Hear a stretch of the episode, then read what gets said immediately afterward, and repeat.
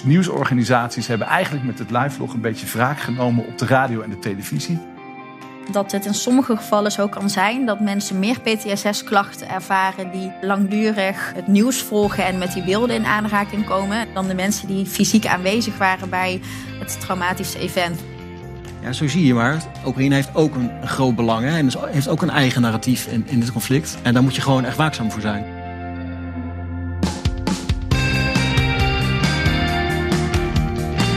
Kennis is er om gedeeld te worden. In Utrecht maakt kennis, een programma van Podium, ontdek je de tofste onderzoeken van de Hogeschool Utrecht van dit moment.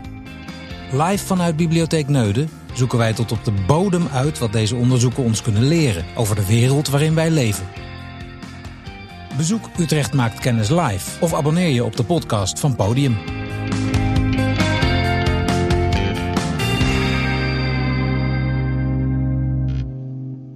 Leuk dat je luistert naar de podcastserie Utrecht maakt kennis. Dit keer over oorlog op je scherm. We volgen de situatie in Oekraïne op de voet met pushberichten en live blogs die je van minuut tot minuut meenemen naar de oorlog. Hoe zorg je als journalist in alle hectiek voor betrouwbare verslaggeving? En wat doet die continue stroom van dreigend nieuws met jou als consument? In deze editie zijn te gast Sebastiaan van der Lubbe van het lectoraat Kwaliteitsjournalistiek in Digitale Transitie, nieuwscoördinator en liveblogger van het AD Maarten van Ast en GZ-psycholoog Nesla Edriouche. En dichtkunstenaar Lietfs schrijft on the spot een poëtisch liveblog. De presentatie is in handen van Patrick Nederkoorn en Eline Donker.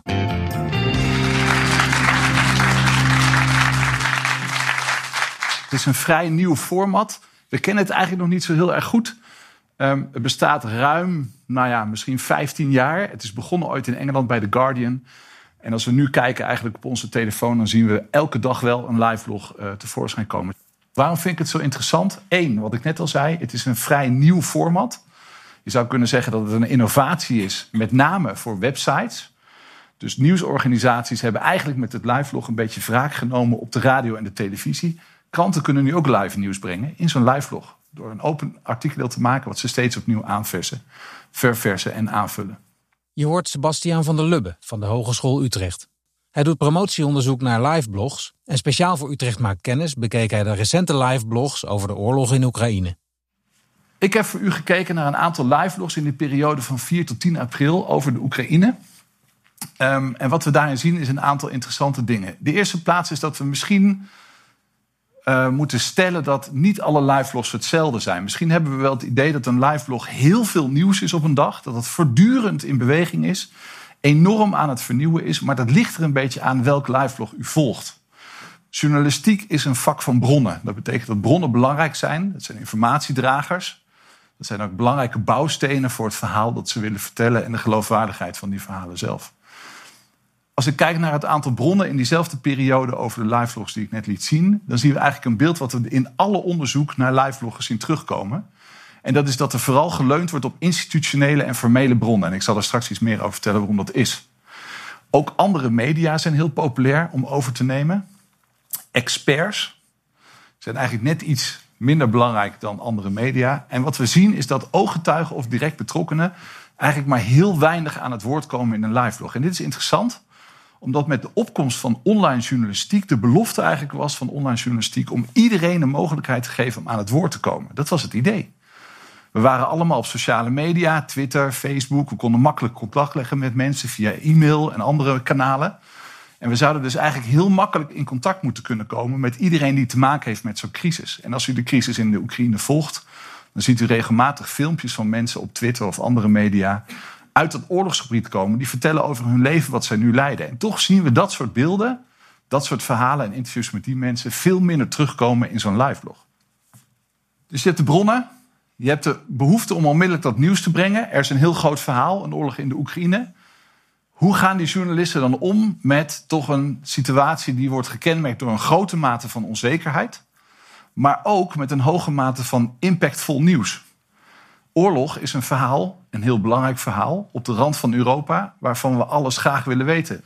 Dus er is een enorme behoefte aan kennis en informatie. En tegelijkertijd is die onzekerheid over de waarde en de uh, correctheid van de informatie, die is vrij hoog. Hoe gaan journalisten daar vervolgens mee om? Nou, als ze een live vlog schrijven, zijn eigenlijk drie stappen waar elke journalist mee te maken heeft. Dat is het claimen van kennis, dat is het verkrijgen van kennis en dat is het rechtvaardigen van kennis. Dat betekent dat ze zowel zeggen van oké, dit is kennis waar we wat mee kunnen over de situatie in de Oekraïne. Dit is belangrijk. Dit moet ons publiek weten. We moeten kijken hoe we aan die kennis zijn gekomen. Wat zijn nou eigenlijk belangrijke bronnen? Hoe hebben we die kennis verwerkt binnen de organisatie om dat in het netwerk of in het uh, live op te nemen? En als we die kennis hebben gevonden, ja, hoe rechtvaardigen wij dan aan het publiek dat die kennis geloofwaardig is? Dat u die kennis kunt vertrouwen, dat u met die kennis uw eigen onzekerheid over die situatie in de Oekraïne zou kunnen wegnemen. Het eerste wat journalisten doen bij het brengen van nieuws is dat ze aansluiten bij autoriteit. Dat betekent dat ze aansluiten bij bronnen die zij vertrouwen. Dat kunnen andere media zijn, dat kunnen woordvoerders zijn van regering en overheden, eh, spokesperson hè, op goed Nederlands. Um, waarom doen ze dat? Omdat een bron die je vertrouwt, een institutionele of een formele bron die namens een regering spreekt of een vertrouwenswekkende krant, die informatie hoef je eigenlijk niet te checken. Die kan je in principe overnemen. Uh, als een politieman wat zegt, of als een woordvoerder van de politie iets zegt, dan kunnen wij ervan uitgaan dat die woordvoerder niet alleen maar onzin praat. Dus we kunnen hem in die zin als persoon, als bron vertrouwen. Maar wat er vaak gebeurt is dat mensen de bron die ze vertrouwen, laten ze samenvallen met de informatie die die bron geeft. Sebastiaan geeft het zinken van het Russische schip de Moskwa als voorbeeld. Nou, in dit geval gaat het over de Amerikaanse krant The Washington Post. Dat is geen misselijke krant, kan ik u verzekeren meldt op basis van een bron binnen de Amerikaanse regering dat de explosie op de Russische vlag in Moskou inderdaad is veroorzaakt door een Oekraïnse aanval. En dat wordt dan vervolgens ook door het Oekraïnse leger gezegd. Daar kunnen we dan nog onze twijfels over hebben. Het Kremlin heeft verklaard dat er een brand is uitgebroken. En het Pentagon heeft ook gemeld dat vier of vijf Russische schepen toch nu wel proberen om buiten een kring, een soort virtuele kring van raketten, die zouden kunnen worden afgevuurd op die schepen, zouden, uh, uh, dat die wegvaren om uh, hun huid te redden. Het zijn belangrijke autoriteiten die in het bericht worden opgevoerd om u ervan te overtuigen de informatie klopt. De tweede autoriteit, die we meer zien dan bij andere uh, live vlogs, waar ik wel door gefascineerd ben geraakt en ook wel iets wat door de Oekraïne de kop op heeft uh, gestoken, meer dan bijvoorbeeld bij live vlogs over de Arabische lente, waarin de live vlog is doorgebroken, is de zogenaamde OSINT, of de Open Source Intelligence. Dat zijn mensen, NOS doet het onder andere, Bellingcat doet het ook. Je hebt de Dutch Ocean Kai en ook Christian Triebert, die zou ik volgen. Die zit bij de uh, New York Times. Dat is iemand die proberen op openbare bronnen, via sociale media kanalen, YouTube filmpjes, op hele slimme wijze proberen ze te achterhalen of claims in beelden, foto's of in video's, of die kloppen ja of nee. Door echt forensisch speurwerk te verrichten. Door schaduwen te gaan uitmeten om te kijken op welk tijdstip er zaken zijn gebeurd. En je ziet dat heel veel berichten in liveblogs, ook in Nederlandse liveblogs, door OSINT vervolgens het stempel krijgen: dit is geloofwaardig of betrouwbaar. Interessante ontwikkeling. Het claimen van nieuws kan ook door middel van coherentie. En dat betekent dat in zo'n post eigenlijk over hetzelfde wordt gesproken, maar vanuit verschillende bronnen. Zowel de Washington Post als de Amerikaanse regering, als het Oekraïnse leger, als Kremlin, als het Pentagon geven aan dat er iets met dit schip aan de hand is dat er brand is uitgebroken, dat het op een of andere manier zinkt. Dat het dus, je zou kunnen zeggen, materieel slachtoffer is geworden van het conflict. Dat leidt tot coherentie. Er zijn geen bronnen die elkaar tegenspreken. En als er coherentie is, dan gaat ons brein aan en dan vinden we dat vaak geloofwaardig. De tweede manier waarop wij kennis kunnen verkrijgen, is de plaats die de live blogger in de organisatie inneemt. U moet zich voorstellen, er is een redactie, Maarten gaat er straks wat meer over vertellen. Maar er zitten mensen heel hard te werken en er komen allerlei informatiestromen op gang in zo'n organisatie. En al naar gelang het soort liveblog ontstaan er ook verschillende informatiestromen. Als het een politiek debat is, dan zien we vaak, tenminste dat zeggen respondenten tegen mij, dat mensen in hun eentje achter zitten te kijken naar zo'n debat. En regelmatig bij andere collega's even vragen om wat achtergronden. Maar zij zijn degene die het liveblog maken. Ze zijn degene die het schrijven. Ze zijn degene die het bad samenvatten, die selecteren. En ook af en toe kennis vergaren bij collega's. En dat ook in hun blog verwerken. In goed Nederlands editorial autonomy. Het zijn mensen die eigenlijk journalistieke autonomie hebben. Eigenlijk hun eigen winkeltje hebben. En dat is hun live blog en daar werken ze in. Ja, dan vraag je je nu misschien af, Kan iedereen dat dan, live bloggen? Um, ik heb het gevraagd aan mijn respondenten die, uh, uh, voor mijn onderzoek. Heb gevraagd, nou, kunnen jullie allemaal live loggen? En alle respondenten zeggen, ja, dat kan iedereen. Iedereen kan live loggen. Maar als je doorvraagt, dan blijkt dat toch te zijn dat journalisten bedoelen... ja, technisch kan iedereen een post plaatsen in een live log. Maar live bloggen is wel een journalistieke discipline. Daar moet je een aantal dingen voor kunnen die niet iedereen echt in de vingers heeft. Dat geeft ook helemaal niet, want ook niet iedereen kan een goede reportage schrijven. En ook niet iedereen kan per se een goed interview doen. En daarom denk ik ook dat ook niet iedereen per se een goed live log kan schrijven. Nou, Sebastian, uh, bedankt. Ja. Dankjewel. Zijn er vragen uit de zaal? Ja, u. Ik vraag me altijd af uh, hoe je als liveblogger of als journalist uh, die liveblogt omgaat met, met de druk die je dus intern voelt. Hè?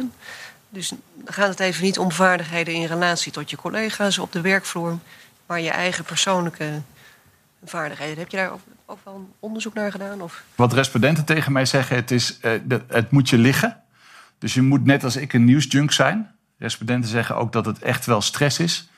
Dat ze de adrenaline wel uh, door hun lichaam voelen stromen op het moment dat er bijvoorbeeld echt zo'n schietpartij is als in Utrecht of het begin van zo'n oorlog en nu ook wel. Dus het is echt, het, doet wel ook iets mentaal en fysiek met je.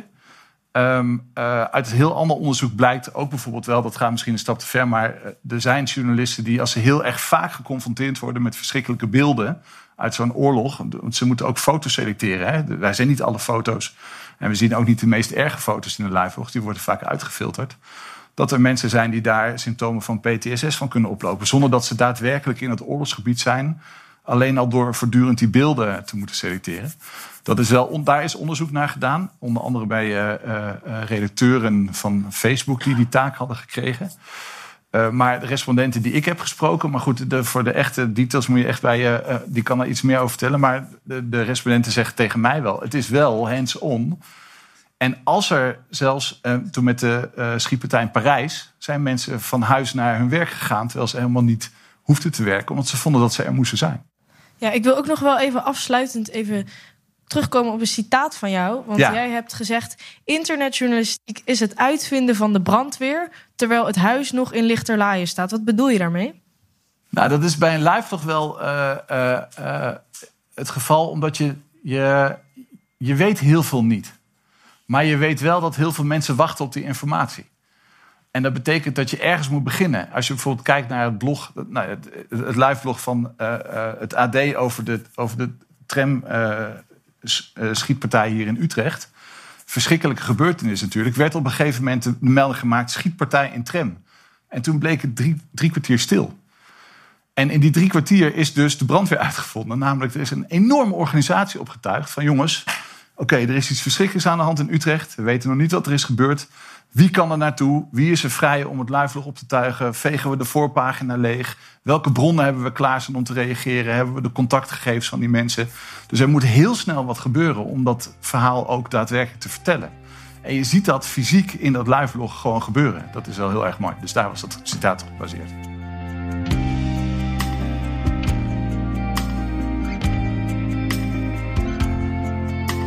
Hij studeerde zelf aan de HU en neemt nu plaats op de bank van Utrecht Maakt Kennis. Maarten van Ast van het AD. Het AD heeft ook een soort zoektocht gestart naar hoe een goede liveblog er echt uitziet. Mm-hmm. Um, wat waren dan eigenlijk de resultaten daarvan? Hm. Um, dat hangt een beetje van het liveblog af. Maar als we het hebben over, uh, laten we zeggen, over, over Oekraïne. Dan proberen we altijd uh, een soort van, van evenwicht te zoeken tussen uh, inzoomen op wat er daadwerkelijk gebeurt. Hè. We hebben ook uh, journalisten in Oekraïne zelf zitten die reportages maken. Die nemen ook allemaal mee in de liveblogs. Tegelijkertijd wil je het wereldtoneel ook bespreken. Wat de wereldleiders zeggen, wat die daarvan vinden. Je wil daar een soort van, nou, laten we zeggen, cadans in zoeken. Dat dat gewoon dat dat op een fijne manier leest. tegelijkertijd wil je het belangrijkste nieuws bovenin hebben. dus we houden ook boven ons livelog altijd een soort kadertje aan. Waarin we in bullets, vier, vijf bullets, het belangrijkste nieuws uh, uh, neerzet. En ook verversen gedurende de dag. Uh, een actieve kop. Ja, het, is, het, zijn ook een beetje steldingen hè, die, die ook zo'n zo'n live definiëren. Ehm, en los van alle journalistieke afwegingen die je natuurlijk maakt. Van wat neem je wel mee, wat neem je niet mee. Ja, precies. Want wat zijn die afwegingen? Hoe... Ja, die lopen heel erg uiteen. Kijk, uh, aanvullend op wat Sebastian zei. Het klopt absoluut dat je veel van formele bronnen gebruik maakt. In het geval van Oekraïne zeker. Omdat je natuurlijk ook... Je kan het niet allemaal weten. Ehm, en dat zijn bronnen die je zou moeten mogen vertrouwen. En daar zit ook wel haak en ogen aan hoor. Ik bedoel, uh, uh, kijk naar de, de, grote propagandamachine van zowel Rusland als Oekraïne. Die hebben natuurlijk allebei grote belangen. Ehm, dus je moet heel duidelijk inderdaad aangeven van hey, dit, dit zeggen zij, dit hebben wij wel of niet onafhankelijk kunnen verifiëren. En zo niet, um, wees er vooral heel, transparant in. Weet je, zo'n zo live vlog is toch gewoon, je neemt de lezer mee. Dit weten wij, dit gebeurt er. Um, en dingen die je niet weet, maar waarvan je journalistiek vindt dat je ze wel moet melden, omdat het rondgaat, omdat het speelt. Um, die melden wij, maar dan een hele duidelijke verwijzing van jongens, dit is niet geverifieerd, let op. Uh, een, hoop mits en maren van toepassing. Wat ik me dan afvraag, dan heb je heel veel bronnen en dan heb je een bak aan informatie. Hoe selecteer je wat er dan echt in die liveblog komt te staan? Ja, nou het leuke van een liveblog is natuurlijk wel dat het een soort speelveld is waarin je heel veel mee kan nemen. Um, ik denk dat vooral de dingen die, die, die je niet doet, zijn omdat je ze en niet kan verifiëren en omdat je afvraagt wat het effect is ook van zoiets brengen. En ja, weet je, er moet een zekere journalistieke relevantie zijn om te brengen, ook al weet je het niet zeker. Um, als dat gaat om uh, uh, Mariupol op dit moment, dan is het toch een beetje het centrum van het conflict geworden. Dus alles wat daar gebeurt, rond zo'n staalfabriek, waar, die, waar laatste militairen nog zitten, dat is journalistiek relevant geworden. Ook al weet je sommige dingen niet zeker. Dus we weten niet zeker of er inderdaad 2500 soldaten zitten. Met 400 burgers of minder of meer. Dat weten we gewoon niet. Kunnen we niet nagaan. Uh, wat we wel weten is wat beide partijen daarover claimen. Um, en dat nemen we dan mee. Omdat dat, omdat dat in het laatste, in die slag om de Donbass, zeg maar, een heel belangrijk element is.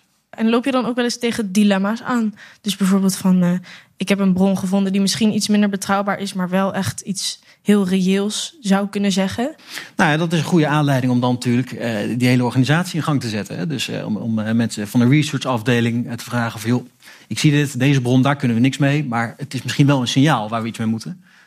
hoe kunnen we nou achterhalen of dat wel of niet klopt? Ehm, zijn er meer van dat soort geluiden? kunnen we dat nagaan bij experts? Ja. Uh, ja, dan ga, je, dan ga je echt het journalistieke werk natuurlijk doen om dat te verifiëren. Ja, ja maar hoe, hoe combineer je dat factchecken dan met de enorme snelheid waarmee er gepubliceerd moet worden? Uh, nou, dat, dat, uh, daar zit wel wat frictie natuurlijk. Uh, soms zal dat betekenen dat je, dat je een eerste korte alinea erover meeneemt. Hè, met verwijzing van, nou ja, dit gaat rond. Hè, mits je het journalistiek relevant vindt. Ehm, soms betekent dat ook dat je het gewoon niet meeneemt. En gewoon zegt van, ja, dit moeten we echt eerst uitzoeken. Eh, een voorbeeld, eh, die, die mobiele crematoria die door Kiev en Mariupol zouden rijden. Waarin uh, ja, allerlei lichamen zouden worden verbrand van zowel Oekraïnse kant als Russische kant.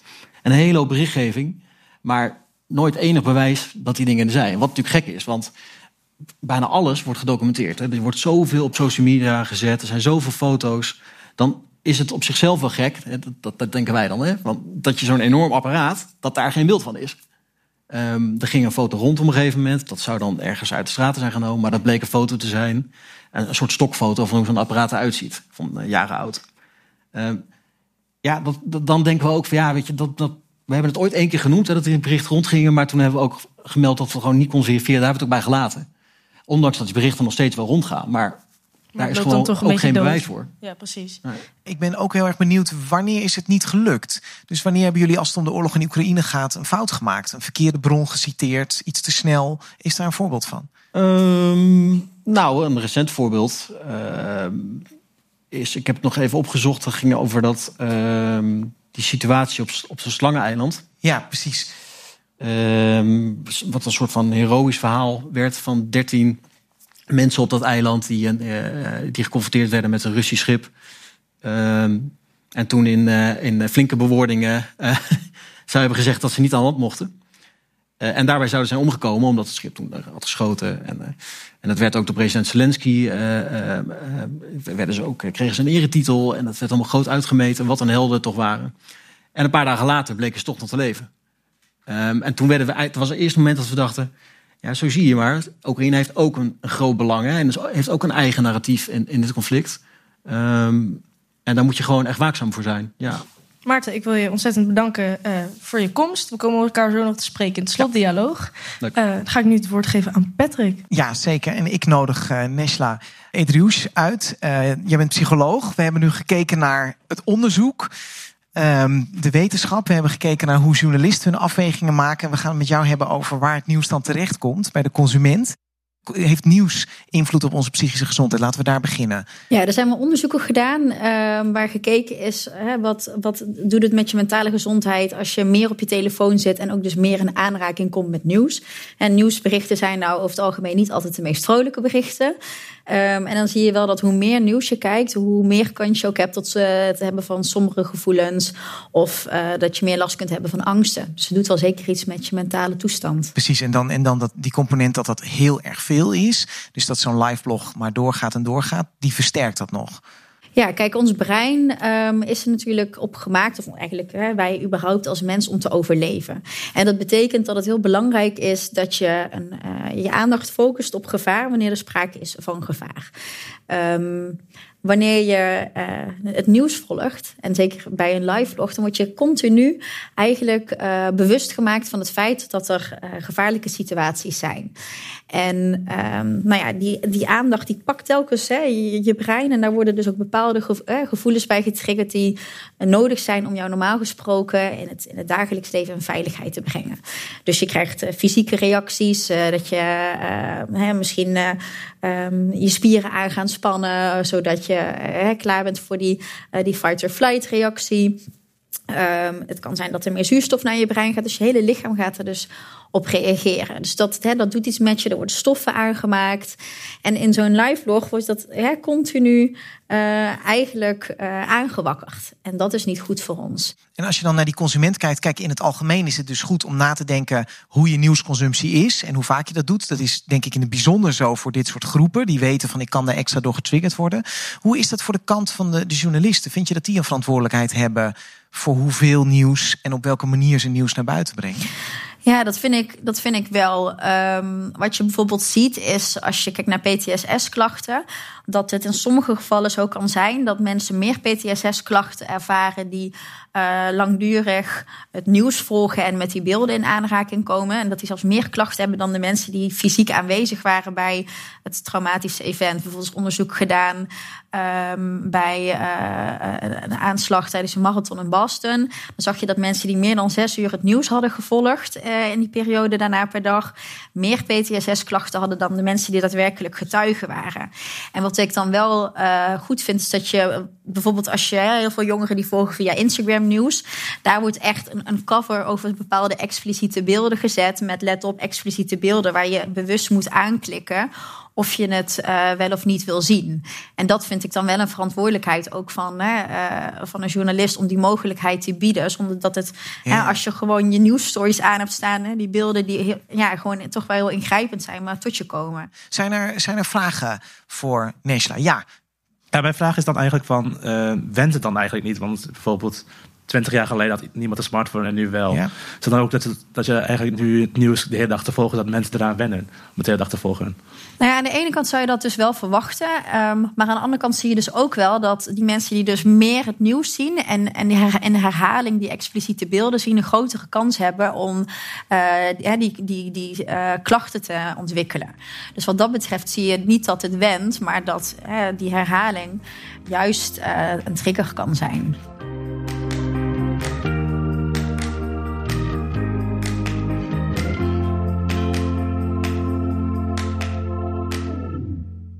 Um, zullen we uh, langzaam overgaan? Daar mogen jullie ook je vraag in blijven stellen hoor. Maar naar het gesprek met z'n drieën. Want Maarten, jij wilde al een vraag stellen. Kom, dat, kom erbij zitten, dan kunnen we dat meteen doen.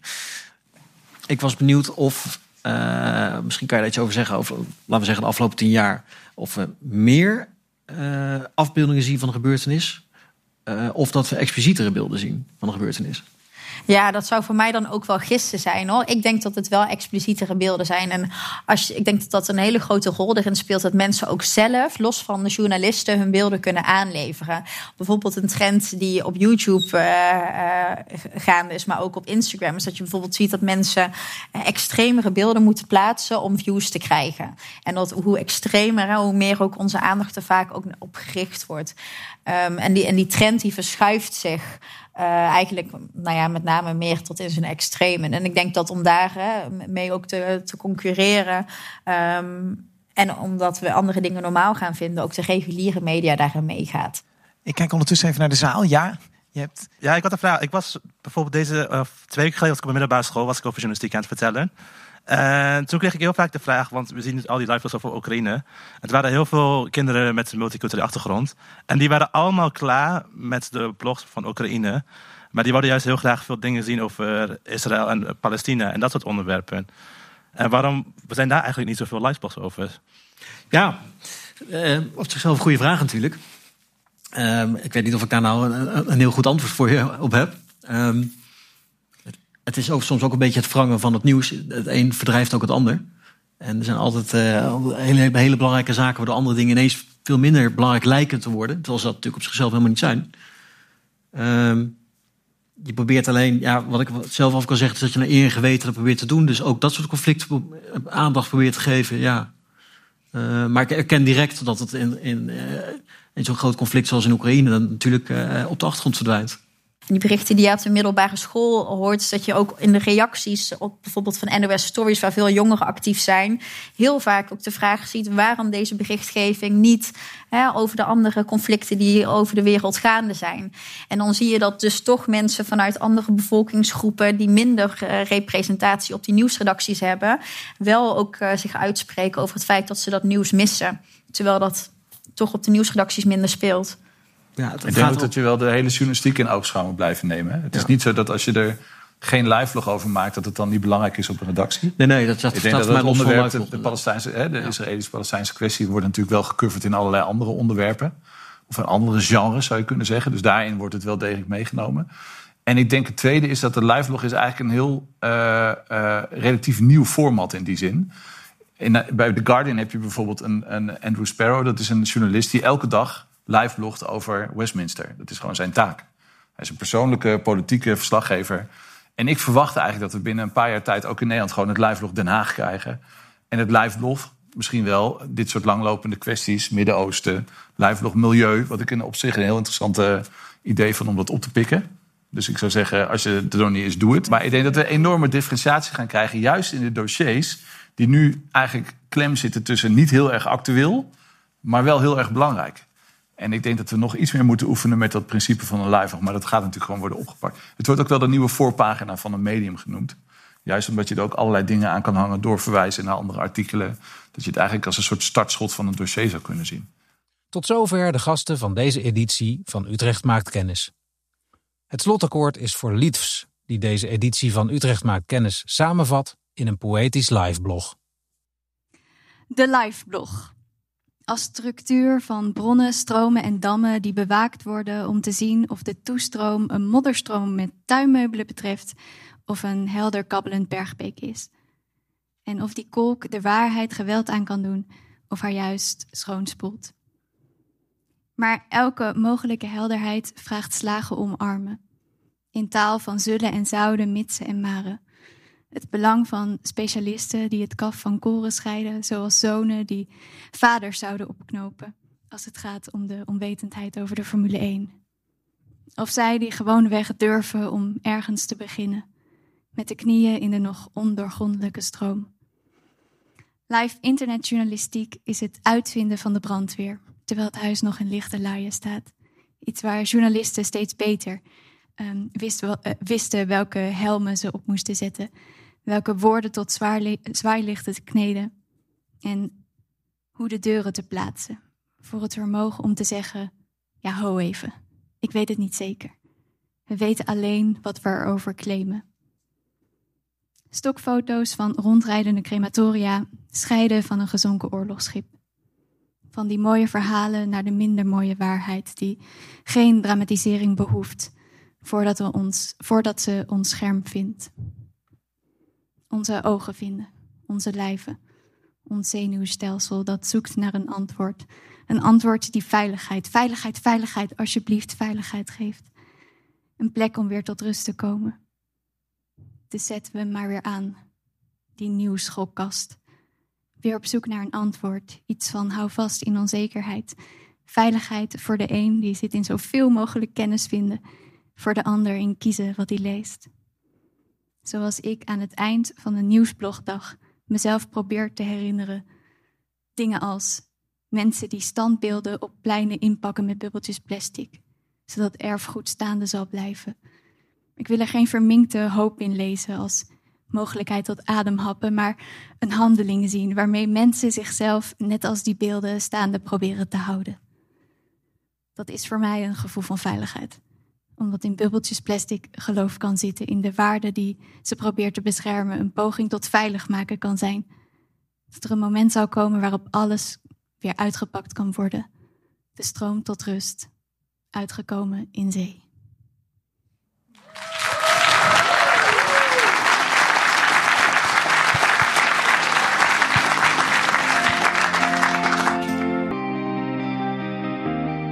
Wil jij Utrecht maakt kennis of een ander programma van Podium live meemaken? Kijk op podium.hu.nl/slash agenda voor de komende data. Of volg Podium op Insta via podium.hu.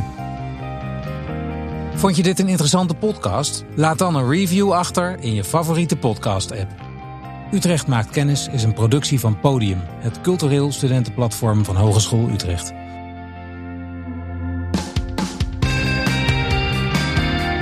Gasten in deze aflevering waren Sebastiaan van der Lubbe, Maarten van Ast, Nesla Edriouche en Lietfs. Programmaproductie Alinde Hoeksma en Siete Vermeulen. Live presentatie Patrick Nederkoorn en Eline Donker. Partners Bibliotheek Utrecht en Lectoraat Kwaliteitsjournalistiek en Digitale Transitie. Deze podcast werd geproduceerd door Matthijs Duringhof en Michiel van Ruitenbeek.